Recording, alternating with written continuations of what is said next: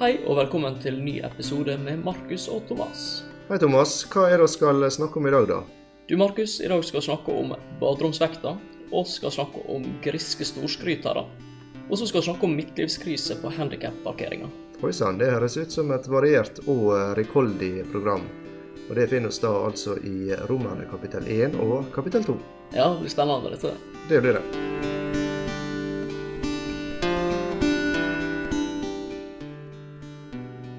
Sola skinner. Bobiler blir solgt som varmt brød, og båter er skalla. Det er vel oppsummeringa vi vil ta om korona sånn det nå, ikke det? Ja, jeg vet ikke om vi skal si så veldig mye om eh, korona, men eh, det er mange som forbereder seg på en eh, sommerferie her hjemme. Ja, det kan kanskje være godt, det. Ja da. Ellers så har det skjedd litt forskjellig annet nytt siden, siden sist. Siden sist så har du runda rundt sola sånn for alvor en gang til. Ja, jeg har faktisk det. Og eh, jeg må si vi lever i litt eh, merkelige tider. For eh, når jeg da steig på badevekta på bursdagen min, så sa den 'gratulerer med dagen' med et lite sånn fyrverkeridisplay. I, i, ja, da. Har kontroll på det. Resten av budskapet var ikke like oppløftende, da. Men Ja, det var det. Og så skylder du på koronatider. ja, ja da, så får jeg gjøre det. Nei, men eh, jeg var egentlig ikke tenkt å feire så veldig, da. 43 er liksom verken eh, fugl eller fisk. Men eh, jammen ble både ei fantastisk god eh, gulrotkake, og så kom det også eh, noen venner med ei kake som var forma som ja, to tall, da. Fire og tre. Og de sto på hvert sitt fat, så jeg prøvde liksom å sette tretallet først, men eh, det gikk ikke med på det, da. Det gjorde ikke det. Nei. De, de holdt god avstand da oppe når de serverte kaka. Ja, det var ytterst eh, få som eh, var der, og da satt oss ute med god eh, koronaavstand. Nei, eh, vi skal over til noe mørkere i dag, Markus. Jeg føler litt eh, nå, da, at vi stender litt på kanten av stupet og stirrer ut i avgrunnen her. Ja, det er litt sånn når du skal velge en plass å gå, så hvorfor ikke gå til det skikkelig dype? Det han Paulus gjør videre i romerbrevet som vi er inne i. Og vi vi skal prøve å bevege oss inn i materien. Ja, vi får håpe det ikke blir for eh, dystert, da. Men uh, enkelte beskriver disse her kapitlene som ei rettssak, og uh, der Paulus på en måte gjenger grundig gjennom eh, alt for å beskrive på en måte mennesker sitt eh, store problem og den problemstillinga som vi står i. Eh, og så kommer man da også med ei løsning på det. Og eh, det er klart, hvis du jobber i rettssystemet og med rettssaker, så må du høre mye rart. Altså Det er mye grusomme ting som dukker opp, og av og til så må de lukke rettsmøte og, og sånn. Så, det, så det, det er litt der er i dag, når du skal liksom inn i i grumset, på en måte. Litt inn i grumset. Jeg føler det er naturlig å være sånn Skal vi ikke bare bli inn i grumset, så jeg har lyst til å ta med noe fra Kolosseren sånn innledningsvis. Ja, gjør det, Thomas. Håper Gi oss en liten litt piff sånn på starten her. Ja. Jeg har lyst til å lese um, fra kapittel 2 i Kolosserne, og så begynner det i 13b. Men Gud gjorde dere levende sammen med Kristus idet han tilga oss alle våre overtredelser. Han utsatte skyldebrevet mot oss, som var skrevet med bud, det som gikk oss imot. Det tok han bort da han naglet det til korset. Han avvæpnet maktene og myndighetene og stilte dem åpenlyst til skue da han viste seg som seiersherre over dem på korset. Ja, så det som er fint med dette her nå, er at eh, frelsa vår, den er fra Gud til oss. Den er av nåde, og det er ikke våre menneskegjerninger, men det er hans sitt verk. Og selv om vi skal inn i det mørke og dystre nå, så trenger ikke det å være en sånn frykt som blir liggende. Det trenger ikke å gå på frelsesvissheten vår, dette her nå. Det er ikke det vi sikter oss inn mot når vi skal snakke om de tingene vi skal snakke om.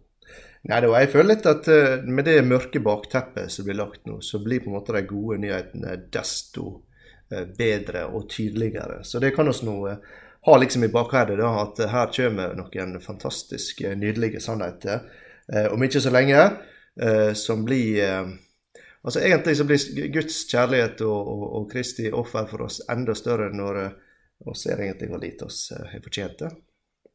Ja. Og da kan vi si det slik da, at om en episode eller to, så begynner vi å se lyset her, og glede i det. Og jeg regner med at vi må nok ta et par episoder inne i, i Det, mørket. det, det kan nok hende. I tåkeheimen. Det.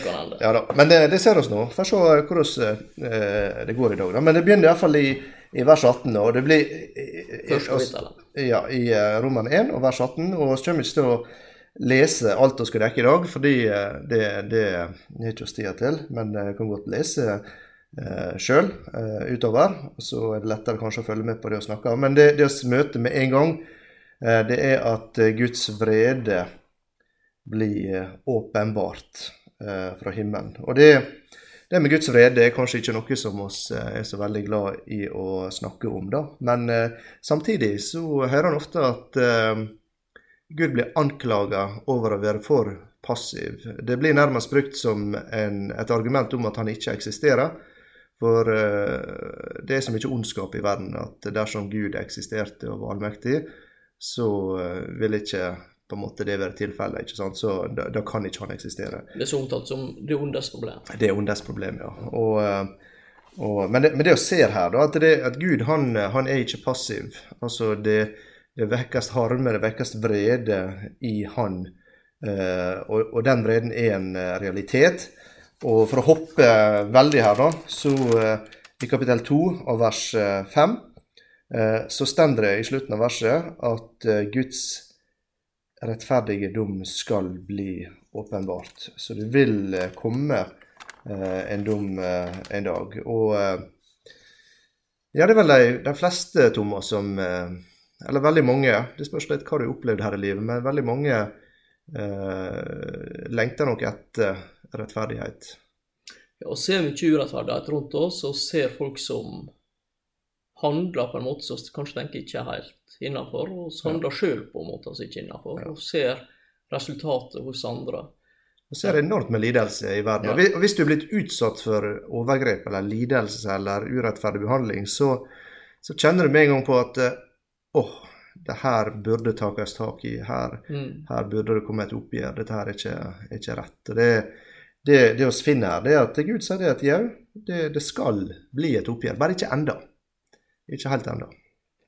Og kommer litt mer tilbake til dette i kapittel 2 også, for det, der, der får litt mer forklaring på hvorfor det ikke er enda. Og det er ikke tilfeldig. Det er ikke det at Gud er, er lat, men han, han venter med vilje. Han utsetter dette her oppgjøret med, med vilje. Eh, og, og det Ja, Gud er overbærende, og han er tålmodig. Det er på en måte kvaliteter som, eh, som vi ser i, i Gud. da.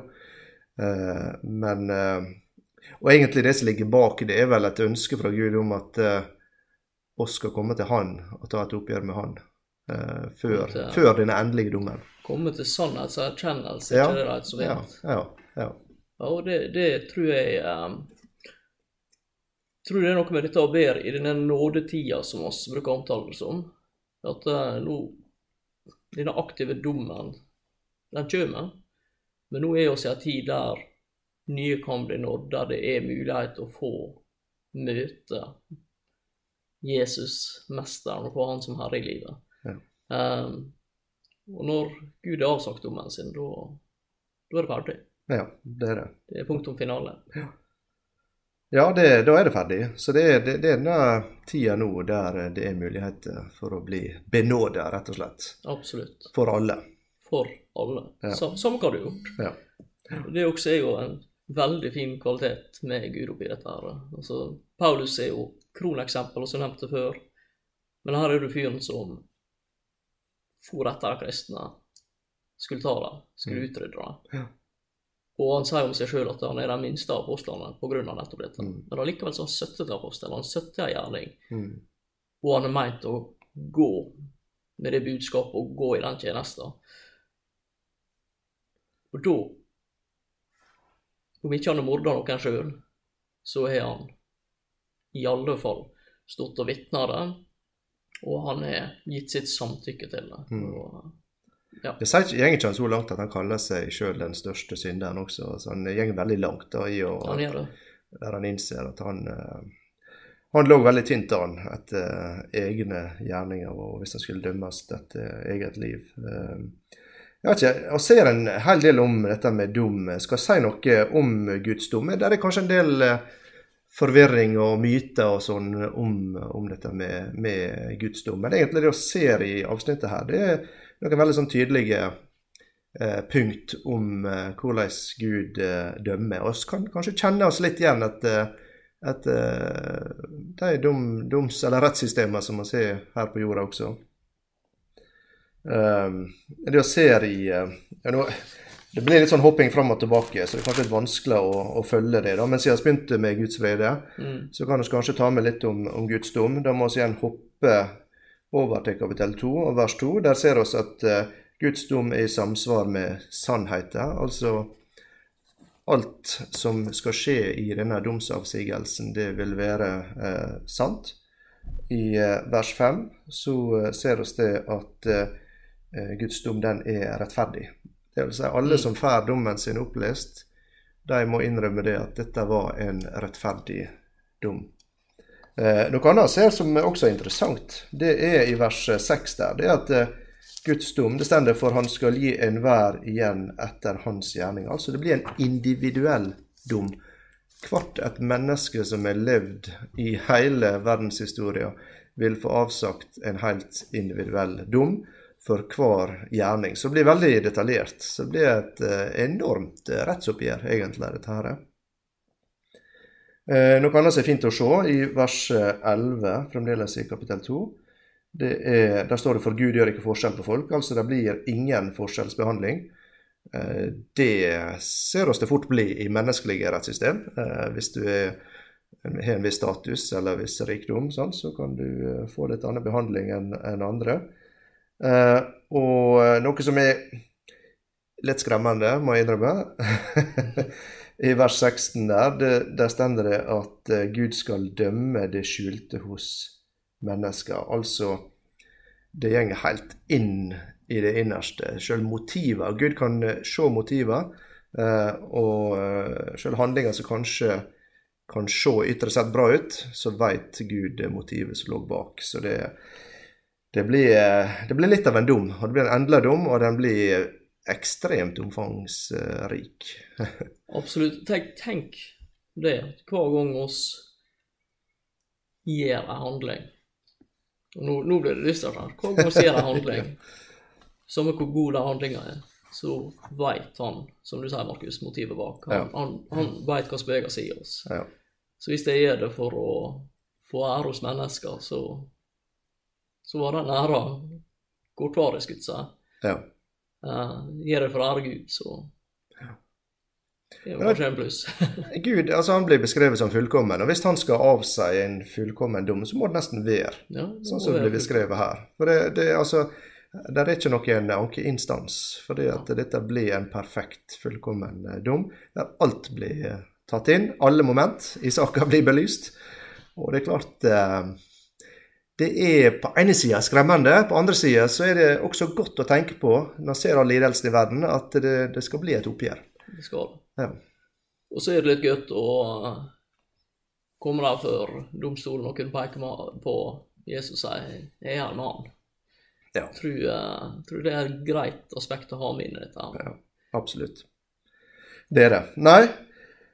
Um, ja, og så snakke litt om Guds fred og Guds uh, dom. Um, og hvis han skal se på Hvis han tenker, tenker på um, resten av kapittel 1, da, så Eh, er det egentlig et avsnitt der han kan grave seg ned i masse teologiske diskusjoner og debatter. Og holde på veldig lenge, men det, det tenker ikke oss å gjøre som oss. Nei, jeg tror oss gjenger litt uh, Tar litt større jafs denne gangen. Ja. Uh, og det du ser i disse versene her på slutten av kapittel 1, så omtaler jo han de ugudelige, de som er uten Gud. Mm. Uh, og så går han videre til å snakke om um, de så eh, moralister, altså folk som er sjølrettferdige, eh, ser på andre og ja, er i hvert fall bedre enn den. Og, ja, og liker gjerne da å fordømme andre. Og fordømme andre, ja. og, og, på en måte setter seg sjøl litt sånn ja, sjørettferdig og prektige. Mm. Ja. Og så tar han seinere for seg da eh, de religiøse, da jødene, som det spesifikt retter seg mot. Seinere i kapittel to. Det kommer vi sannsynligvis ikke til å gå så mye inn på i dag. Nei, vi får se hvor langt vi uh, kommer, Thomas. Uh, men vi uh, tar iallfall med noen hovedprinsipp uh, her. Og i, utover mot slutten og ut kapittel 1 så ser vi litt egentlig på hva som skjer når et samfunn vender Gud ryggen. Og og det, det som jeg syns er litt interessant her, det er at du, du ser uh, et uh, uttrykk som går igjen. Det, der står det bl.a. der i, i vers uh, 24. Derfor overga også Gud dem, og det samme i 26. og også i 28, da, eller gav dem over.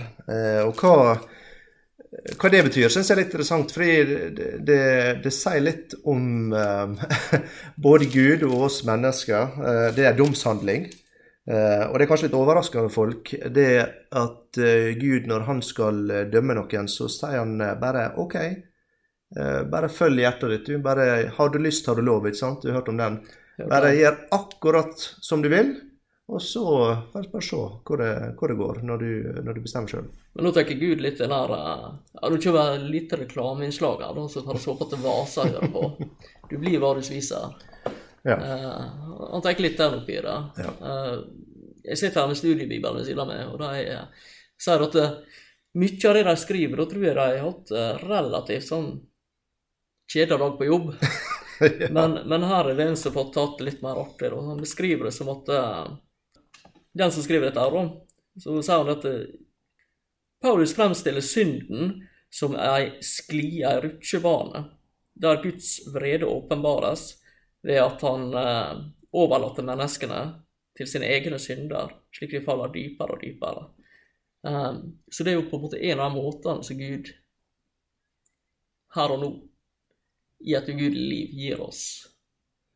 Ja. Gir det ugudelige sin straff. Jeg skulle til å si, Thomas, da får vi hoppe på den sklia og se hvor det går, men det er vel kanskje et litt dårlig råd, egentlig? da? Ja, jeg tror ikke helt jeg ønsker å være på den sklia der. men så får vi følge prosessen, eh, hva som skjer på ja. den silebanen. Og denne silebanen ser jo effekter av det sjøl. Ja. Altså, hvis jeg spiser denne sjokoladen som jeg har lyst på i dag, og i morgen og denne potetgullposen i tillegg, og drakk denne brusa. Hvis du gjør bare akkurat det du har lyst på hele tida, ja. så, uh, så får det konsekvenser. Det gjør noe med ja, fysikken min, for slik. Ja, hvis jeg hadde spurt ungene mine, så hadde jeg sikkert gjerne villet smågodt både til frokost, eh, middag og kvelds. Uh, men det er klart det hadde ikke gått så veldig bra i lengda. Det, det vet vi. Så det, det, er egentlig litt av det vi ser her. At Gud bare sier 'gjør akkurat det du vil', og så ser han et samfunn i uh, forfall. Og det, måte, og det, og det som er litt interessant her, det, det, det gjenger en del på I hvert fall når du beskriver denne utviklinga, så gjenger det en del på uh, seksuelle utskeielser eller seksuell umoral. Og uh, klart på, en, på, en måte så er ikke det noe mer synd enn andre ting som er synd, men det virker som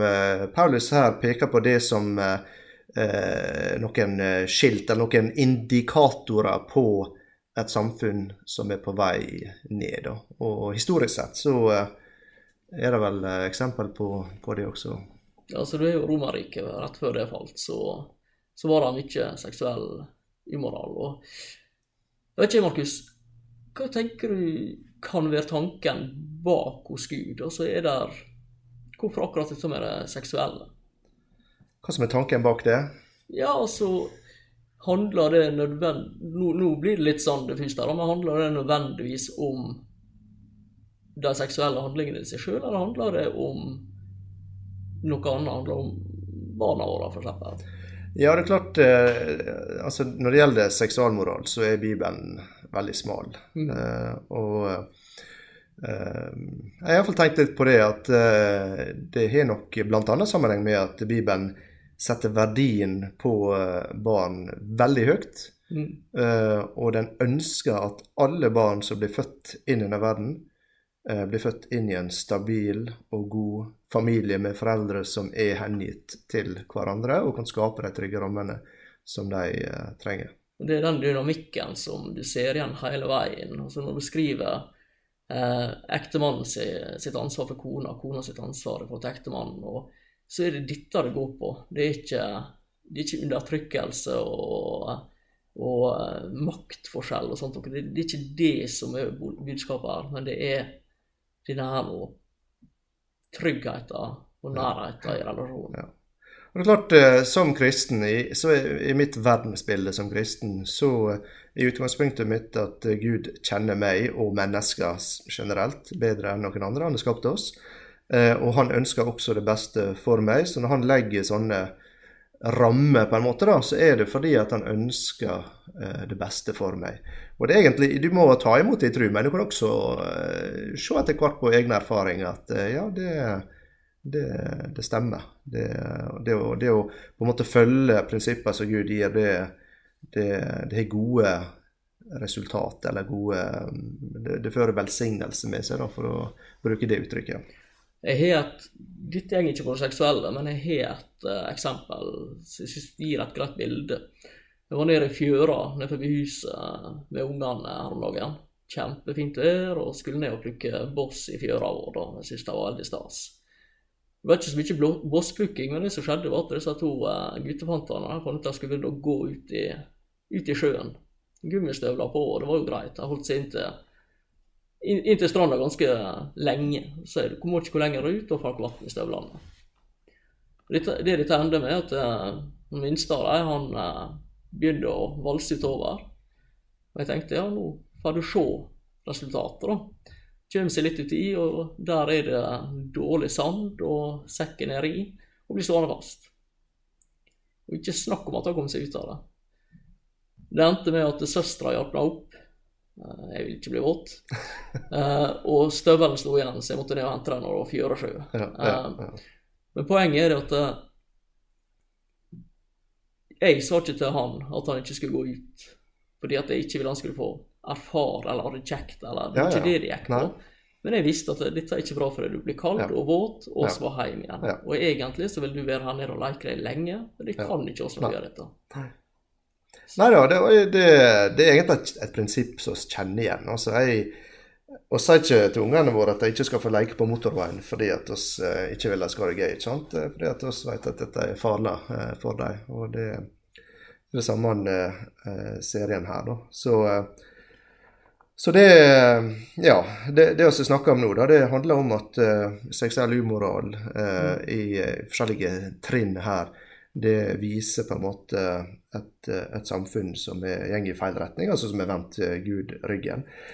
noe annet som er interessant i denne prosessen her, føler jeg, det er at når du kommer til tredje og siste, altså det verste på en måte Fasen. Fasen, da, ja. Så blir det beskrevet sånn i vers 28. Eh, eh, det står jo ettersom de ikke brydde seg med å eie Gud i kunnskap eller å kjenne Gud, eh, overga Gud dem til et ugudelig sinn. Altså, da er på en måte hele tankeboksen blitt ødelagt, ikke sant? Altså, du, du tenker feil. Et ubrukelig eller udugelig sinn. Og da kommer det ei lang remse over ting som, som det eh, fører til. Og det er egentlig en ganske både interessant og veldig kontroversiell eh, liste. Eh, ja, han kan bite litt, da. Ja, han kan bite litt. Eh, og grunnen til det er at det er en del ting der som eh, kanskje er lett for oss å hoppe fint over, eller unnskylde i våre egne liv. Mm. Uh, og jeg um, må si jeg ble litt overraska sjøl. Jeg tok ut alle de tingene som jeg tenkte dette kan virke ganske uskyldig. Uh, I hvert fall på overflata. Så ble det en ganske lang uh, liste. Fordi her er ting her som voldsmenn og, og, slike ting som alle tenker ja ja, dette er grusomme ting. Dette er ikke meg. ikke Sant? Jeg kjenner ikke meg igjen i dette. Men ser du da ord her som griskhet. Mm. misunnelse. Det henger litt sammen. ikke sant? Griskhet og misunnelse. Misunne naboen som har fått seg ny eh, båt eller bobil til sommeren. Uh, spre rykte, baktaler, overmodige, storskrytere. Jeg vet ikke, Thomas, det, om du kjenner noen storskrytere? Men, Nei, jeg har ikke hatt noe med sånne gjøre. Nei. Og er ulydige mot foreldre. Og det er klart, disse tingene er ting som eh, er rundt oss hele tida, men det blir på en måte mer intenst Ja, i denne ja. fasen. da. Eh, og det ser oss også mot slutten av kapittelet. Eh, uforstandige sender, upålitelige Ja, det tenker upålitelige, det er så nøye, da.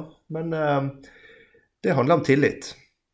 Og jeg la senest i dag faktisk et, eh, et innlegg eh, der eh, noen skrev at tillit er vår viktigste valuta, altså i Norge, i dag. Og hvis tilliten blir vekke iblant oss, da ramler veldig mye sammen. Helt klart. Uh, oss har nevnt NRK før, og sagt oss ikke skal dem reklame, men eh, de har et program som heter Sånn er Norge. Ganske interessant om hvordan samfunnet vårt er bygd opp. Harald Eia som er det. Og han sier at eh, tillit er limet i samfunnet vårt. Eh, Det er det som gjør at vi oss har et styresett som fungerer så godt som det gjør, at oss har de godene oss har. Det er basert på tillit, det er basert på at oss er trygge på at når oss gir fra oss det oss gjør i skatt f.eks., så vil vi også få igjen på andre sida når vi har behov for det. Eh, og at det ikke blir sløst vekk på andre ting.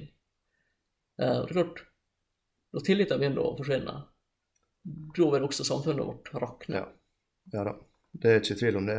Og eh, for meg så eh, meg så er dette en ganske sjokkerende, sjokkerende liste. Og det er fordi at jeg tror oss alle kan kjenne oss igjen i det. Så her er oss alle inkludert.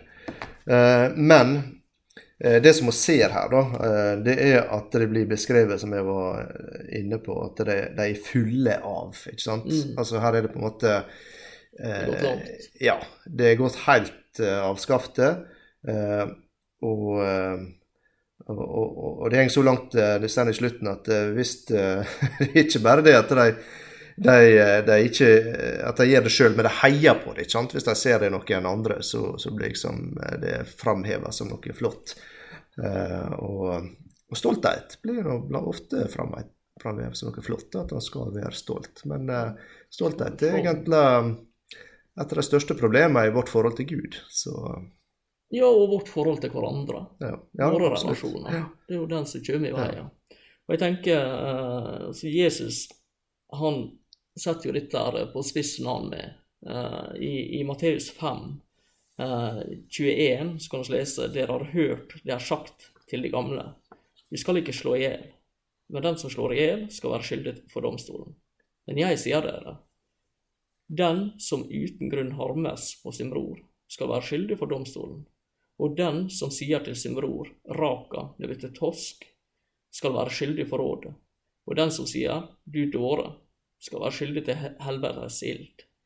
Så han, han setter jo veldig Ja. Men det, det sier noe om hva moral Ikke nødvendigvis Jo, det er jo det han forventer, sånn sett, men det er jo ikke noe skal nødvendigvis mestre oss sjøl, da. Altså, så er jo så er jo åndens frukter som, eh, som hjelper oss med dette. her. Ja. Eh, Men, men det, det viser på en måte kontrasten til dette samfunnet som Paulus beskriver. Mm. Ja da. Ja, og det, det er litt av det vi finner i Bibelen, og, det som kan føre til at oss eh, kan bli litt uh, forvirra og litt mismodige, det er at eh, du får beskrevet av og til en standard som er så langt overgjenger vår at vi tenker ja, men dette her er ikke oss kjangs til. Men det er litt av poenget, da, at vi skal innse det. Um, men eh, nå kommer egentlig et, eh, et taktskifte her. Og eh, jeg har en gang en beskrivelse av dette som eh, jeg syns var veldig, veldig Ja, kanskje litt morsom, da. Men eh, du kan nesten se for deg at du har hatt en gjeng som har stått bak ryggen av Paulus nå når han har beskrevet alt dette her forferdelige, og liksom eh, heier på ham. Yes, Ja, gi dem litt, sant. Se dem. Disse elendige folka der borte, de er så syndige og så fæle, liksom. Vær så på oss. Ja, ja, ja. Oss er mye bedre. Oss er, oss er på de sider, Paulus, ikke sant? Men så snur plutselig han Paulus eh, 180 grader og peker rett på dem. Og så jeg kan nesten lese eh, litt eh, Ja, fra vers 1 kanskje, i kapittel 2. Derfor er du uten unnskyldning, du menneske, hvem du så er som hva? Ikke synder, som dømmer. For idet du dømmer en annen, fordømmer du deg selv. du som dømmer gjør jo selv det samme. Jeg fikk de, jeg fikk deg den. Jeg gikk på en smell der i dag. Ja. Satt utenfor Biltema, og så kommer der en knall i nei, sikkert rundt sånn 50, opp mot 60-åra. Langhåra, så ut som en musikertype. I eh, en relativt ny kabriolet. Og bare rulla seg fint inn på handikapplassen. Og tenkte der skulle han stå. Ja. Og jeg må innrømme at altså, jeg, jeg kjente det begynte å småkoke litt. Det kokte litt, ja. Så tenkte jeg hm, skal jeg ta og parkere framfor da? Det gjorde ikke. Det gjorde ikke. Men der dømte jeg, da. Ja da. Der og da. Da hadde jeg eh, Han hadde fått passet påskrevet. Og så er det veldig, veldig, veldig lett for å dømme. Og det, det tror jeg jeg, snakker, jeg, jeg beskriver dette som en liten gruppe, men egentlig er det en stor gruppe. For Paulus, nei, Jesus han sier det at uh, oss eh, ser flisa Mm. i øyet til uh, naboen, men vi ser ikke bjelken i vårt eget øye. Så vi kan henge oss opp i den minste detalj med andre, og så eh, glatte oss fint over det når det gjelder oss sjøl, sjøl om oss kanskje ikke ligger mye verre ting. Men da blir spørsmålet Skal vi tillate alt? Nei, og det ser oss nå egentlig her også, da. Det er ikke snakk om å tillate alt. Men eh, det Paulus vil fram til i denne rettssaken her, det er at eh, her er ingen som har unnskyldning. Eh, og det å eh, Disse her som fordømmer, så sier det egentlig eh, implisitt at de ikke har dette problemet. Jeg er bedre enn disse. Ja, jeg er bedre enn disse. Dette problemet der har ikke jeg. Men så avslører Paulus det, at eh, nei, eh, ikke bare har du det problemet, men du stender, det stender faktisk enda verre til med deg, fordi du har ikke innsett det. Eh, altså, du er stolt, og du fordømmer andre. Du setter det til doms over andre. Så egentlig så eh, er denne her gruppa enda mer ute å kjøre enn eh, de som vi eh, snakker om til nå. Ja, for De ser på seg sjøl som at de har en høyere moralsk standard og har bedre verdier enn de andre. Ja. Så de blir prektige og sjølrettferdige. Ja. Og, Og dette er noe som oss som kristne har blitt anklaget for, og til dels også med rette. Det er veldig fort gjort å gå i denne fella her og begynne å peke på andre. Men eh, eh, hvis vi gjør det, så eh, er ikke oss i tråd med Guds ord, for her får oss kraftige eh, advarsler mot å gjøre det. Eh, og det, det, som, det som han kommer inn på her, det er at han, han, han sier at du faktisk, i vers 4, sier Paulus, at du da forakter hans, eller Guds rikdom på godhet og overbærenhet. Altså, når du fordømmer andre, så forakter du Gud. Det er veldig veldig sterkt ord. Så sier det, Gud, du vet ikke hva du holder på med. ikke sant? Den der tålmodigheten din og godheten din, det, det er bare tull. Og, så det, det er egentlig en ganske alvorlig, eh, alvorlig et alvorlig problem eh, her, da. Så, så eh, vi skal sette pris på Guds godhet. Og egentlig, hvis vi er litt ærlige eh, Jeg kan iallfall snakke for min egen del, så eh, har jeg blitt mer og mer takknemlig for Guds tålmodighet med meg, og Mm. Guds godhet med meg. Så det, det er noe vi uh, trenger alle sammen. Og eh, vi trenger egentlig å reflektere det overfor andre rundt oss også. For det har vi fått uendelig mye tilgitt uh, til oss. Jeg tror det er bedre for oss, både som kristne og som medmennesker, å vise at vi er svakheter, og tørre å være ærlige om det. Jeg tror det er et mye større og bedre vitnesbyrd enn om at oss prøver å framstå som folk som har det på stell. Alt er i orden. For det er Sånn er ikke det. Nei, det var det Sånn, det. jeg, jeg tror ikke det er samme hvem du er, Nei. rett og slett. Nei, men jeg tror vi oss eh, kanskje må begynne å gå mot avslutning her, eh, Thomas. Eh, selv om eh, oss kanskje hadde håpet å komme litt eh, lenger, så ser jeg at vi brukte brukt opp eh, halvtimen vår, som vi bruker å tillate oss eh, tildele oss. Ja, jeg tror en halvtime det du, du sa noe om eh, at du kunne sette på litt sånn eh, høyere hastighet på ting for å Ja, det er faktisk noe som jeg bruker på en del podkaster. At i de fleste apper så kan du gå inn og justere opp farta. Eh, en og en halv gang eh, hastighet blir kanskje litt mye, men 1,3-1,4 det, er- Da slipper du å, å Hvis vi prater for treigt, så, så, kan du kutte det ned til 20 minutter ca. et podkast. Uten at vi sitter med Mikke Mus-stemme. Ja, det blir ikke sånn smurfende. Nei da. Så det, det, det Eller Donald Luck-stemme, eller hva du vil kalle det. da. Men det, det høres faktisk ganske naturlig ut. Og hvis du har litt dårlig tid, eller skal gå en tur som ikke er en halvtime, så går det an å gjøre. Ja. Ja, Vi får ta, ta for oss eh, de religiøse neste gang. Ja, det er spennende. Det er spennende greier. Og I tillegg skal vi inn i noen vers som er ganske utfordrende. da. Eh, men jeg føler at vi kan ta og løfte blikket litt, og så se på nådebudskapet sånn avslutningsvis med. Ja, det syns jeg skal gjøre, Thomas. Har du valgt ut en sang i dag også? Du, eh, oss, eh, jeg kom på en eh, i farta i stad. Ja, ja. Eh, min verdi, eller blodet som rant, alt etter hva du kaller den, den syns jeg er veldig fin. Mm. Jeg skal ta og sitere den sånn avslutningsvis. Blodet som rant, smertene som du bar. Forlatt av mennesker, forlatt av Gud, ditt far. Du ga avkall på din trone. Gudesønn ved tornekrone. Hele verdens skyld har du betalt. Gud, din nåde er større enn ord kan si. Gud din nåde, den viser meg min verdi. En ufattelig pris har jeg kostet deg. Gud din nåde er liv for meg. Du ofret alt for å redde meg. Din store kjærlighet, den utholdt dødens vei. Du var villig til å sone for å vinne livets krone.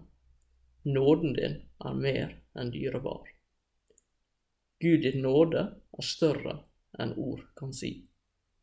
Gud din nåde, den viser meg min verdi. En ufattelig pris har jeg kostet deg.